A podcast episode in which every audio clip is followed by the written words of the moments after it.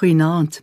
In hierdie week se aandoordenkings kyk ons daarna dat Jesus ons nie sommer net vir die wolwe gegooi het nie, hy het ons toerusting gegee. En die woord wat ek vanaand oor wil praat is verlossing. En ek wil eerstens kom met 'n vraag. Waarom het God die mens gemaak? Ons lees in Genesis 1:26, laat ons mense maak na ons beeld. Wat is die beeld van God? God is liefde. Liefde wat nie gedeel word nie, verwelk. Liefde lewe. Liefde moet beleef en gedeel word.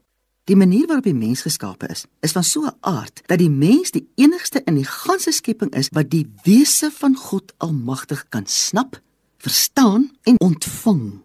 Die mens is so geskape dat die aard, die wese van wie God is, in die mens gedeponeer en 'n werklikheid kan word.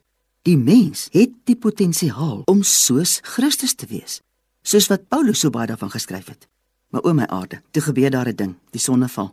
En met een besluit van ongehoorsaamheid word die ganse mensdom gedompel in 'n plek van verlorenheid.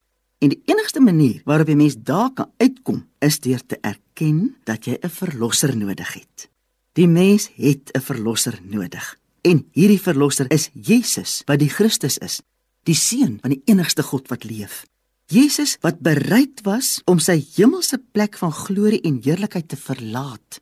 Hy wat self die woord is deur wie alles tot stand gekom het, het nie gedink dat iets van hom geroof word terwyl hy 'n mens geword het nie.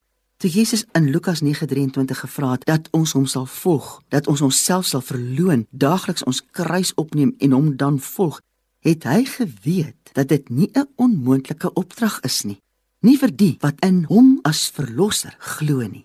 Hy maak dit vir ons moontlik. Hy maak dit draaglik. Hy stel ons staat daartoe om dit te kan doen.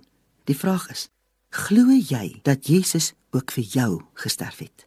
Glo jy dat hy van jou geweet het toe hy aan die kruis gehang het?